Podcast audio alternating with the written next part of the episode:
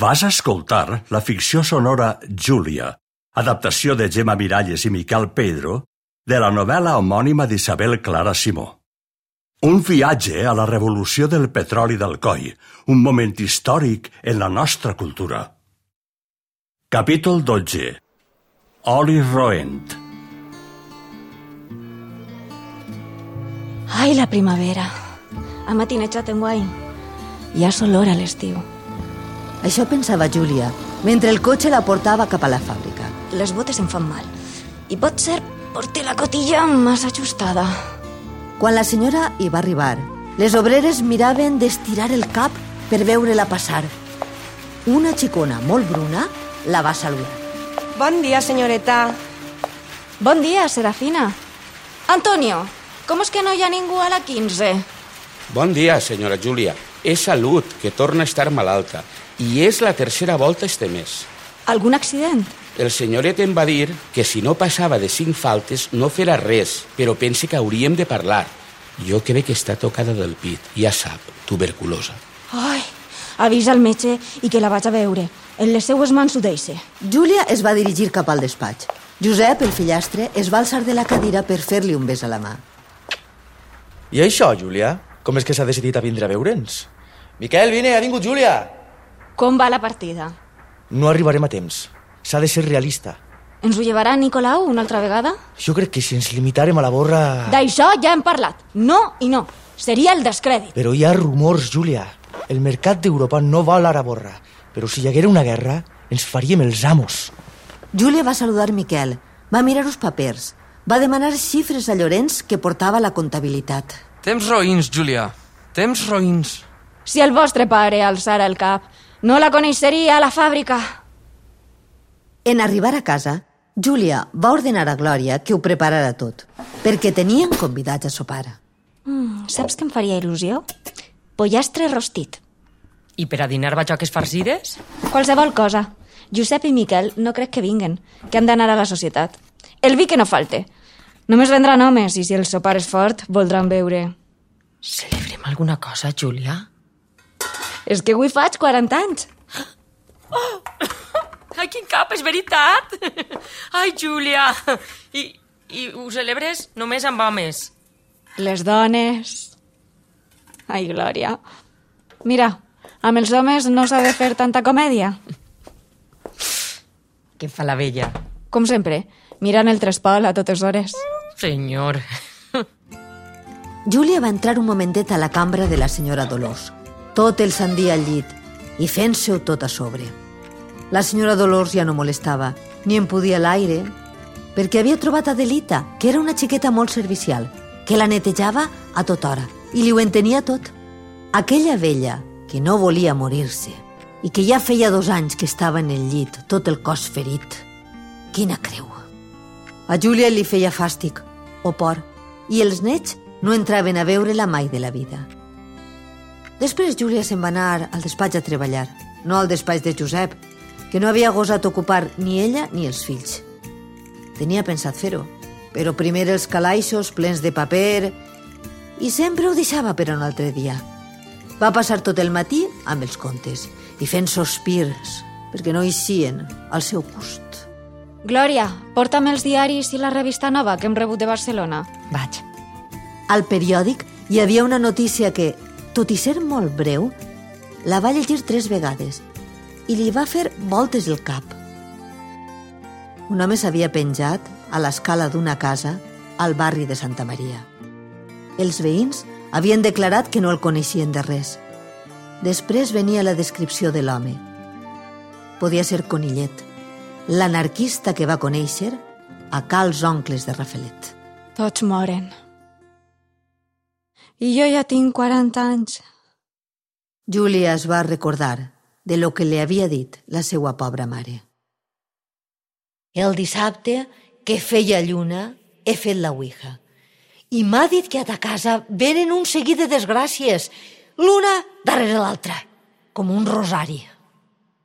I ho havia endevinat per una vegada la ouija, perquè encara que no havia passat una setmana, que el pobre Josep va començar a desvariar. Júlia va haver d'intervindre a la fàbrica. Afortunadament, el fill del lleig va acabar la carrera. I quan Júlia va deixar caure que el necessitava, no s'ho va pensar gens. A esta casa li ho dec tot i ara em toca a mi correspondre. Gràcies a ell, les coses van començar a recobrar vitalitat i fins i tot tenia idees emprenedores. Júlia l'havia de frenar.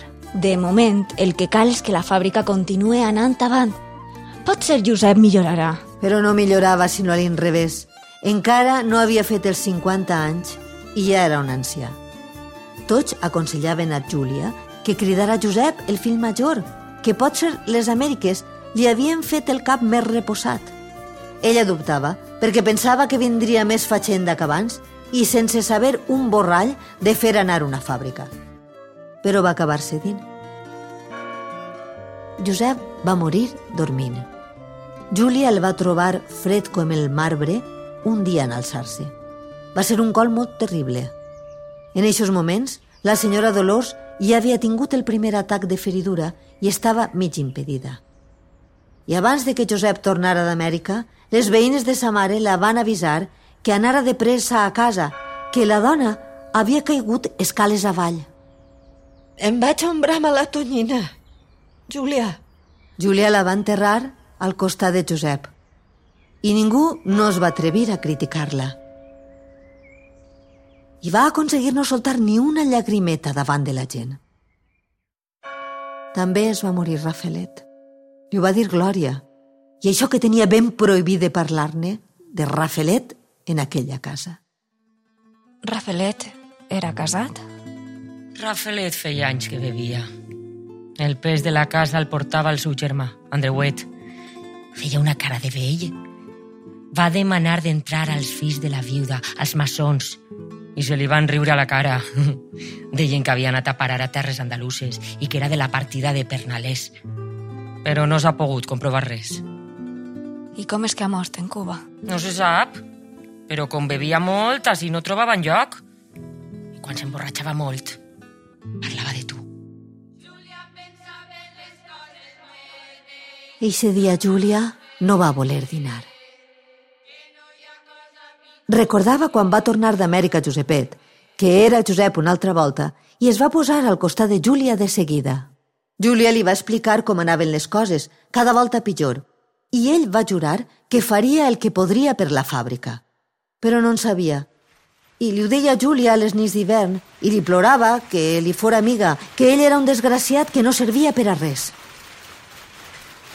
Júlia portava la fàbrica, però des de casa, i Josep anava fent les coses com ella li deia. Però les coses anaven malament a tot el coll i van anar reduint faena. La fàbrica va aguantar, però per pura sort. Miquel també es va fer amic seu, i això que el testament del pare li ho deixava gairebé tot a Júlia. La fàbrica, a parts iguals, en Josep. A Miquel, la finca d'Atzeneta. No la vull jo, ixa finca. Per què no proves? Perquè vull estar amb tu, a la fàbrica. La vella, que encara feia un poc de vida a la casa, abans de la feridura total, mirava els xics i feia que no amb el cap. Però si venien maldades, el primer crit d'auxili era per a Júlia. Que a pegar l'osa, senyora Dolors. I ella mirava la cara eixuta de Júlia i el seu gest de duresa i es posava tova com una xiqueta i també es deixava portar. A la vaga! A la vaga! Tots a la vaga! Morim de fam!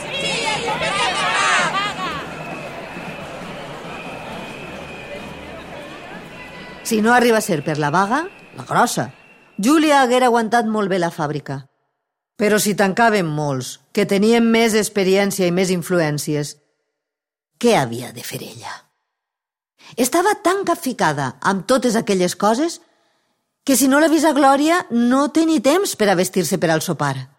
Quan va estar vestida, ja hi havia gent a la saleta.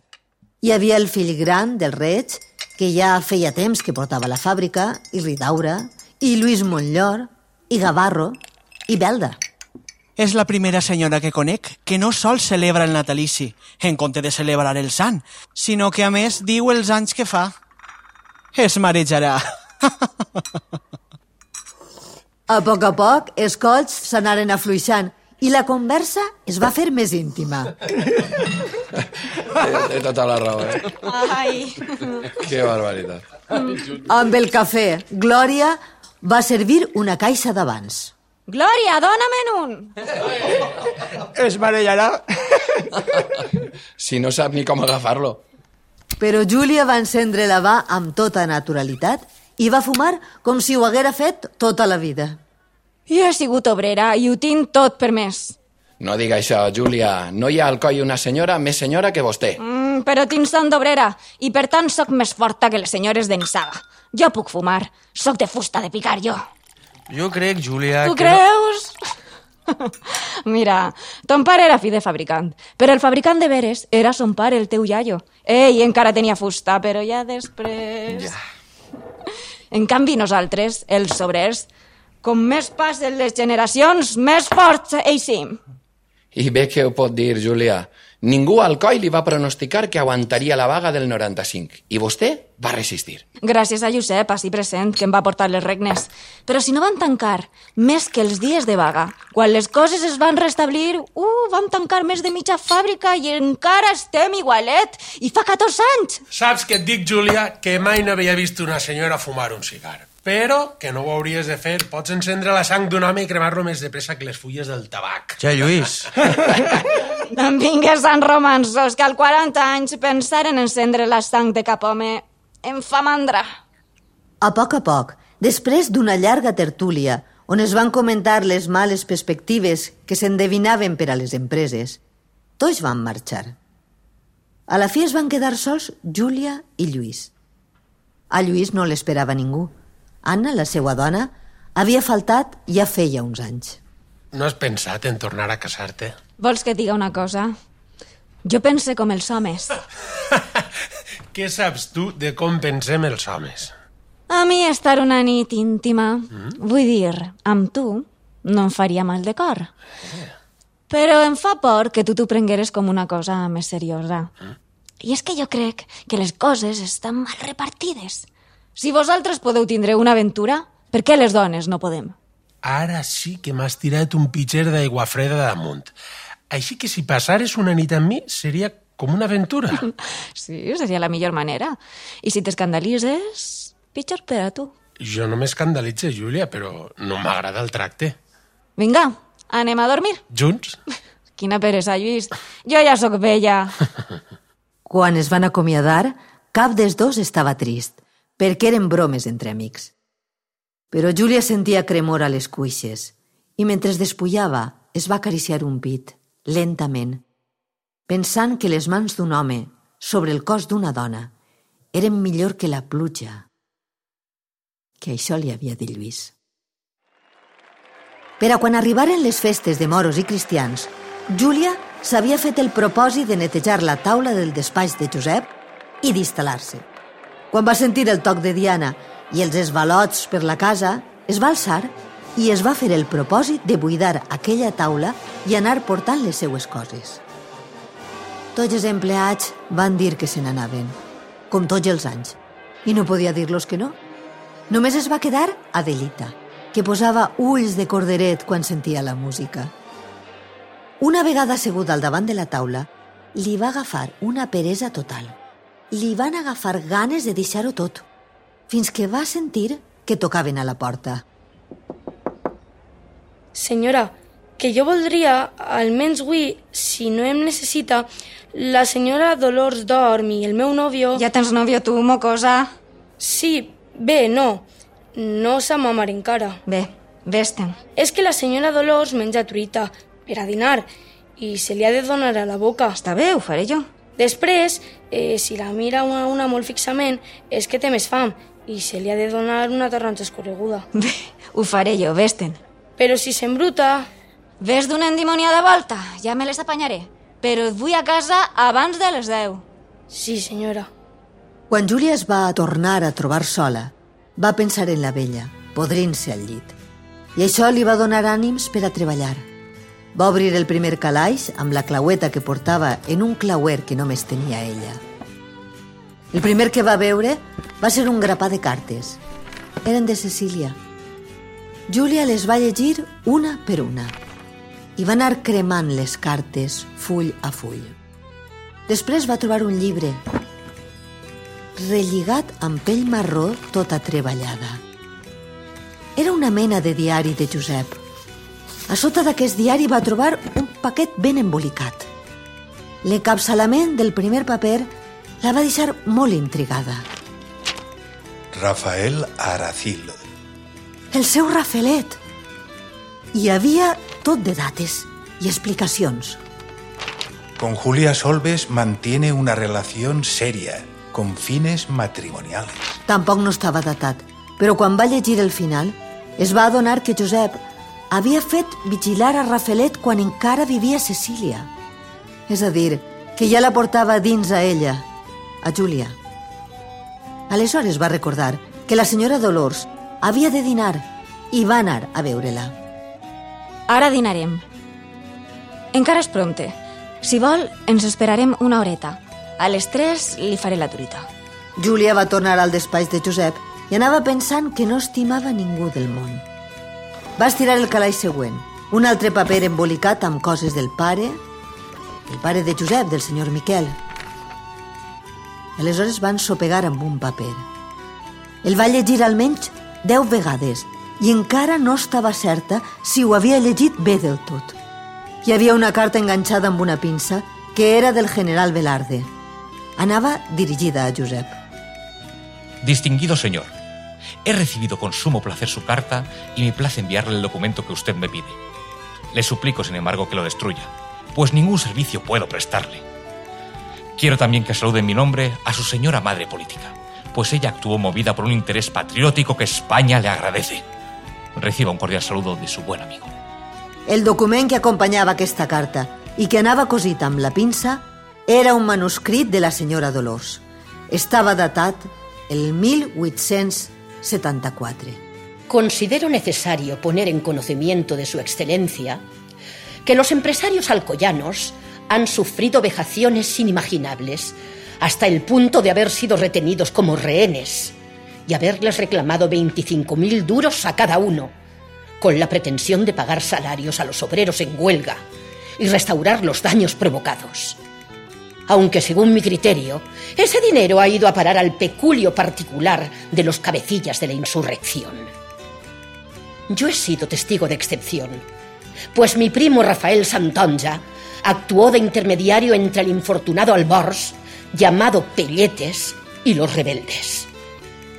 Por todo lo expuesto, y puesto que la justicia está buscando a los implicados, y dada la confianza que usted inspira, porque los méritos que demostró en Alcoy merecen el respeto y el entusiasmo de todas las personas honradas de esta ciudad, le envío los nombres de las personas de las que tengo certeza de su implicación en los hechos. I aleshores venia la llista. Hi havia 43 noms, un a sobre l'altre. Carles Santonja. Esguit. Francisco Boronat. Paquito el Coix. Rafael Cantó. Mona. Miquel Ferrandis. Roget. Roberto Montllor. Santiago Sirvent. Ninot. José Solves. Pepet de l'Olla. Júlia es va alçar i va obrir la finestra. Eren ja les tres. Els moros devien entrar en aquell moment. I tot el món devia estar cridant, aplaudint i mirant embadalit la desfilada. La seva mirada era fosca i tenia els llavis serrats. Va anar a la cuina i va aventar el foc per revifar la flama. Va fer la truita. Quan anava a tirar-la al plat, es va quedar amb la mà en l'aire i va sentir la mà rasposa de son pare i a les orelles la seva veu explicant-li totes les coses que sabia. Quan el pare va ser empresonat, ella tenia cinc anys. Va morir quan en tenia deu. Quan es va serenar, es va adonar que la truita era freda. La va tornar a posar al foc. Quan l'oli esquitxava de tan calent que estava, va agafar la paella pel mànec i es va dirigir a l'habitació de la vella. Va obrir la porta de la cambra de la senyora Dolors amb una mà, mentre que amb l'altra aguantava la paella amb la truita. La va mirar i la vella la va mirar també. Aquella dona tenia el cos paralitzat, però ara posava cara de pànic. Júlia va tirar la truita damunt d'aquella mirada. Tot de regallims d'oli s'escamparen pel rostre i abastaren el coll i es ficaren per la cina. Encara cruixia l'oli, corrent pel cos de la vella. Al cap d'uns minuts, Júlia va traure la truita d'aquella cara. Estava tota la pell cremada i els ulls de la vella eren d'una blancor vermellosa. Estaven encegats. Aleshores, Júlia es va traure de la butxaca i el va seguir llegint lentament. Le envío los nombres de las personas de las que tengo certeza de su implicación en los hechos. José Solves, Pepet de l'Olla. José Solves, Pepet de l'Olla. Júlia va decidir què hauria de dir. Que quan anava a donar-li la truita a la vella havia fet un bot i de la sorpresa Júlia havia deixat caure la truita. Quan ja la va tindre arreglada amb els llençols nets i una pomada a la cara, al coll i a les cines, per a poder dir que havia fet tot el que havia pogut, va eixir de l'habitació. Catòlica havia de ser. Has escoltat l'adaptació a radioteatre de la novel·la Júlia d'Isabel Clara Simó, una producció de la Dependent amb el suport de la Conselleria de Cultura i Esport, Ajuntament d'Alcoi, Acadèmia Valenciana de la Llengua, Unió Alcoiana Seguros, Ràdio Alcoi i A. Intèrprets principals. Pepa Miralles, Glòria Román, Juan Salloret, Pau Bercher i Pilar Martínez. Gravació de Luis Vélez i Gonçal Berenguer.